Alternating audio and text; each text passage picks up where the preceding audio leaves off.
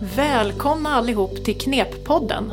Det här är podden för dig som lever i en vardag med familjeliv, föräldraskap och typ 1-diabetes. Jag heter Ulrika Berg och är barnläkare. Och jag heter Elsa Håkansson och är psykolog. Och vid sidan av våra vanliga jobb, ja då arbetar vi med Kunskapscentrum för egenvård vid typ 1-diabetes hos barn och unga, som vi kallar för KNEP. Och ni kan hitta mer på hemsidan karolinska.se knep. Typ 1-diabetes då? Ja, men det är ju en sjukdom där man inte kan bilda insulin. Och insulin är jätteviktigt för att reglera blodsockervärdet och plocka in socker i cellerna. Och då behöver man alltså få insulin över hela dygnet och man behöver ha jättekoll på sitt blodsocker. Och allt det där som man själv då eller familjen behöver göra för att man ska må bra med sin diabetes, ja det kallas för egenvård. Och man själv och familjen gör alltså jobbet. Och det är förstås att det är utmanande. Ja, man kan väl säga att precis som att egenvården påverkar vardagen på olika sätt så påverkas egenvården i sin tur av sånt som händer i vardagen. Hur man mår som barn eller förälder eller om någonting jobbigt händer i livet. Sånt kan påverka också hur egenvården fungerar. Men sen kan egenvården också påverkas av sånt som vi inte själva kanske rår över. Som till exempel resurser i samhället, i skolan, hur vården fungerar. Men i den här podden så kommer vi framförallt att fokusera på familjelivet och hur man kan få till de här vardagsrutinerna som kan vara lite kluriga på ett sätt som fungerar bättre för samarbetet. Ja, precis. För att underlätta vardagen med typ 1-diabetes helt enkelt. För med, med typ 1-diabetes så kan man ju känna sig fullt frisk. Alltså man kan springa maraton, man kan resa runt jorden. Den här egenvården, den, den tar ju plats och den färgar vardagen och, och det är mycket man ska göra och förstås mycket man kan bli orolig för också som förälder. Och i början tror jag i alla fall att det är ganska överväldigande för alla familjer. Alltså det är mycket att lära sig, många berg att kliva över. Men så med tiden så, så sjunker ju ganska mycket in och det en del av det blir liksom mer vardag. Men ändå, för de allra flesta så fortsätter det ju att vara klurigt på olika sätt. Och det kan ju vara olika perioder också under uppväxten. Mm. Och Elsa, du är ju psykolog och just nu forskar du till och med på det här med föräldraskap vid diabetes. Vilka utmaningar är, är liksom de vanligaste som du ser som kan ställa till det och krångla till det i familjelivet? Ja, eh, bra fråga Ulrika. Jag tror det, det, det, finns många olika utmaningar som kan dyka upp under vägens gång. Men jag tror att eh, någonting som många föräldrar tampas lite med det är ju det här med oro och stress. Eh, jag tror att eh, många skulle säga att de orden fick en ny betydelse efter diabetesdebuten. För diabetes innebär ju att du behöver förhålla dig till ovisshet och risker kring ditt barns hälsa på ett sätt som andra föräldrar inte eh, behöver göra. Och sen har du den där blodsockerkurvan som hela tiden är på väg någonstans eh, 24 timmar om dygnet.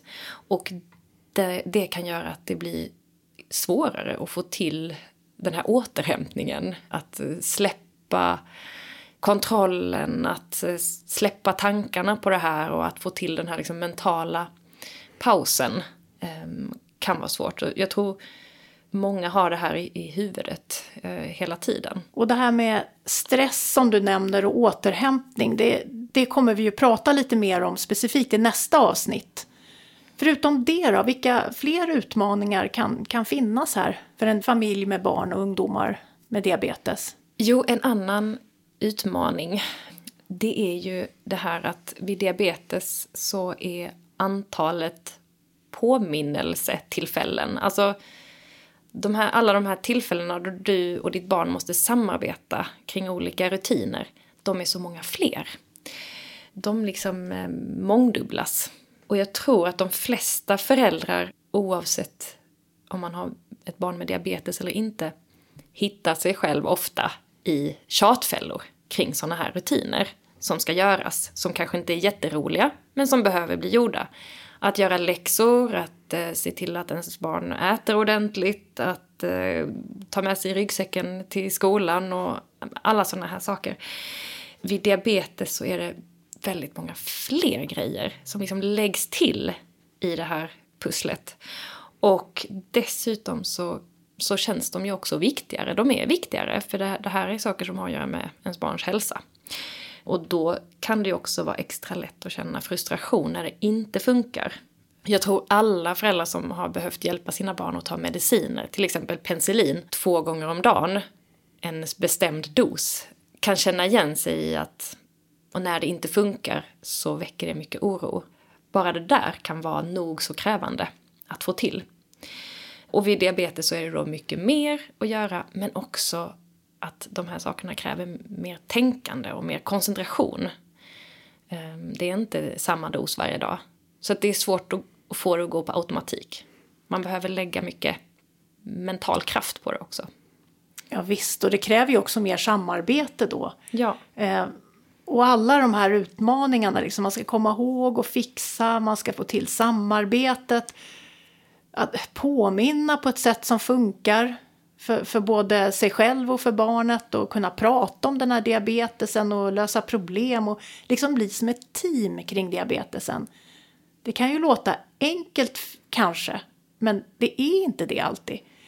Och, och, för vissa kan det vara extra utmanande. Det kan vara om man själv eller barnet kanske har svårigheter som ADHD som innebär att det ibland är extra svårt att planera och få saker gjorda och komma ihåg och sådär. Precis, och det, det, krävs ju inte heller alltid att du har en, en sån diagnos för att det här ska vara svårt, utan jag tror alla upplever det ganska svårt i, ibland i perioder. Och det räcker med att du bara har vissa svårigheter inom det här ADHD-området då till exempel. För att det ska ställa till det på olika sätt i vardagen kring egenvården just. Och vem av oss har inte lite dåligt minne ibland? Precis. Speciellt om man är trött. Ja, ja. Nej, men visst, visst är det så. Och just eftersom det här är en utmaning så tänker ju vi att det här kan man ju behöva stöd i som förälder. Och man kan behöva som lite verktyg som kan underlätta och få till de här rutinerna på ett sätt som funkar för samarbetet och som också är hållbara i vardagen. För en själv och för ens barn och för relationen. För det är ju lätt att känna sig lite nedslagen när det inte funkar. Jag tror att som förälder så har man ju alltid de högsta ambitionerna för ens barns hälsa och man ställer rätt höga krav på sig själv. Så jag tror man, det är lätt att liksom klanka ner på sig själv när det inte eh, riktigt går som, så som man vill. Och sen tror jag också att det är när det här är en del av vardagen så kan det vara lite svårt att se allt det där man faktiskt gör som är extra, som andra familjer inte behöver hålla på med. Och man lägger mycket på sig själv då när det här inte funkar. Man kan ju känna det lite som att man står nedanför ett, ett berg, så, eller kanske flera berg, och, och det är svårt att komma upp, det är svårt att komma vidare. Och um, vad dålig jag är som står här nere nedanför det här berget. Och, och, och, i det där läget så det kan kännas svårt att, att ta nästa steg. Ja, men jag, jag, kan hålla med om det. Den där känslan kan nog många känna igen sig i. Eh, och nu har vi ju liksom pratat om de här utmaningarna, att det kan vara knepigt och berget och beskrivit det här berget. Så vad sjutton ska man nu börja då? För att det ska kännas lite lättare? Jag tror kanske första steget är väl att eh, ta ett, ett steg tillbaka lite grann och, och vara lite schysst mot sig själv och förstående mot sig själv och, och, och, tänka att men, vi jobbar på så gott vi kan utifrån våra förutsättningar och våra möjligheter och det är inte konstigt att det här ibland känns som att det är för mycket. Eh, att det ibland känns svårt och utmanande. Så att, att, att försöka vara lite, lite snäll. Jag tror att det där med att vara snäll mot sig själv, det är nog lätt att, att, att, att liksom glömma bort eller att det kommer bort och att alla de, här, alla de här tankarna om vad man borde göra och att man borde klara bättre, att mm. de liksom lite granna dränker det här tycka om sig själv-tankarna. Ja, det är svårt att tvinga bort tankar, eh, men, men att bli medveten om att man har dem och eh, och, och, kanske försöka påminna sig om att uh, faktiskt klappa sig själv på axeln ibland eller klappa varann på axeln ibland för allt det här som man faktiskt gör och alla ansträngningar man, man, man gör och så. Men sen har vi ju fortfarande det där berget då som vi gärna vill liksom försöka komma, komma uppåt på och en strategi som vi ofta tar till när vi vill komma till en positiv förändring i livet, kanske hitta en ny rutin eller göra någonting på ett nytt sätt, det är att dela upp målet i mindre steg. Så om du står nere för det här berget och du har liksom ambitionerna högt upp och vi ska nå dit och hur tusen ska jag göra. Så att försöka tänka det istället som att du gjuter en trappa upp på berget och sen så tar vi ett litet trappsteg i taget. Att man, att man försöker se till så att nästa grej vi ska försöka göra och få in här i vår vardag, det ska vara lagom lätt. Det ska vara ett enkelt steg att gå upp. Mm. En trappa med enkla steg alltså. Precis. Säg nu att det är någonting som mitt barn upplever är svårt. Mm. Och säg att vi har en jättestor utmaning då som vi ska mm. försöka ta oss an. Mm. Och det kan ju vara att jag inte tycker det verkar så svårt, men mitt barn verkar tycka det där är svårt. Ja, då gäller det att försöka liksom koka ner det här liksom till, till flera små steg. Och så tar man bara ett steg i taget. Det viktiga är att, att känna att man ändå lyckas med det man tar sig för. Och särskilt för barnet, att känna att, att eh, det funkar, det man gör. Och att det är hållbart över tid. Det är viktigt också för motivationen, för en själv och för ens barn. Att eh, orka fortsätta framåt, helt enkelt. Så att man tar liksom, man tar en, man tar ett berg i taget för det första. Och sen tar man liksom en liten grej i taget. Ett vardagsrut en vardagsrutin i taget och så jobbar vi med det.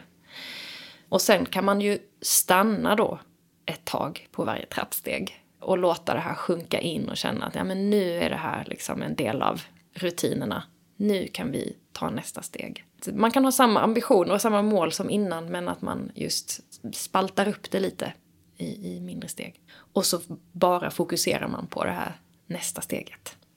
Sen så är det ju klart att det kan vara bra att ta emot lite hjälp också.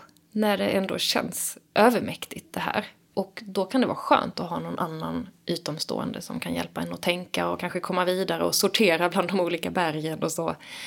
Och, och som kanske också kan följa upp hur det går och så. Eh, så att jag tänker att eh, man ska, man ska inte vara rädd för att ta emot andras hjälp i det här. Men du Ulrika, jag tänker vad säger du som läkare om att ha ett sånt här liksom, trappstegstankesätt i behandlingen, liksom, i behandlingsmålen och sådär? Så jag tycker det är strålande bra faktiskt. För att jag tror faktiskt att vi läkare och eh, sjuksköterskor i diabetesteamet också behöver påminna oss ibland om det här. Att hjälpa till med att dela upp de här diabetesuppgifterna till mindre steg. Alltså vi har ju också väldigt höga ambitioner och vi vill gärna hjälpa familjerna och, och barnen och ungdomarna och det är ju all välmening. Jag tror vi behöver inte bara prata om målen eller slutmålen utan kanske sätta upp rimliga delmål. Och det behöver man ju göra tillsammans med familjen. Och det allra första steget där, det tror jag, det är att börja lyssna på familjerna. Både föräldrar och barn och ungdomar. Deras liksom erfarenheter om vad som har funkat, vad som har varit svårare, lite tips och reflektioner. För det är ju nyckeln vidare. Det är ju verkligen så att man känner sig själv bäst och föräldrar känner sina barn bättre än vad vi, vårdpersonal, gör det. Eh, och så kan man sortera lite grann tillsammans. Och, till exempel, vad är det viktigaste att få till nu? Vad är det vi ska börja med och hur kan vi göra det enkelt? Hur kan vi förenkla den uppgiften? Kanske kan man dela upp det då i enklare steg. Och så börjar man där och sen tycker jag det är jättebra om man kan följa upp ganska tätt och jobba ihop bit för bit. Och i senare poddavsnitt så har vi ju tänkt kanske prata lite mer om hur man kan göra för att skapa såna trappa, gå in lite mer konkret på det. Och nu så ska vi gå vidare till en stående punkt i varje avsnitt, nämligen Dagens knep. Och det kommer från knephemsidan på karolinska.se knep. Ja, det är ju inte bara ni i familjen och, och vi i diabetesteamet som är inblandade i, i barnets egenvård, utan det är ju till exempel lärare, andra i skolan eller i förskolan. För somliga kanske det kan vara socialsekreterare, det kan vara arbetsterapeuter och det kan vara andra läkare eller psykologer som kanske inte kan så mycket om diabetes eller inte så vana. Och många föräldrar har verkligen efterlyst bra information som man kan hänvisa till. och använda sig av. Eh, och därför vill vi tipsa om en särskild rubrik på vår hemsida som lämpligt nog heter då Knep för vårdgivare, samhälle och skola. Under den kanske lite torra titeln så rymmer sig en del godsaker. Nämligen det samlad anpassad information om barndiabetes till olika yrkesgrupper på den här hemsidan. Och det finns också tips på hur man kan samarbeta med varann. Man är ju bra på olika saker. Så välkomna in på knephemsidan och botanisera. Ja, nästa avsnitt så tänkte vi prata lite mer om det här med återhämtning. Att hitta återhämtning i en vardag som kräver lite extra av dig som förälder. Vi vill gärna skicka med en fråga och fundera på till dess. Vad brukar du göra för att fylla på? Vad är det för saker som du gör som gör dig glad och som får dig att känna dig lugn eller tillfreds? Det vill vi gärna att du funderar på till nästa gång. Ja, och därmed så avslutar vi det första avsnittet i Kneppodden. Välkomna in på vår hemsida karolinska.se knep.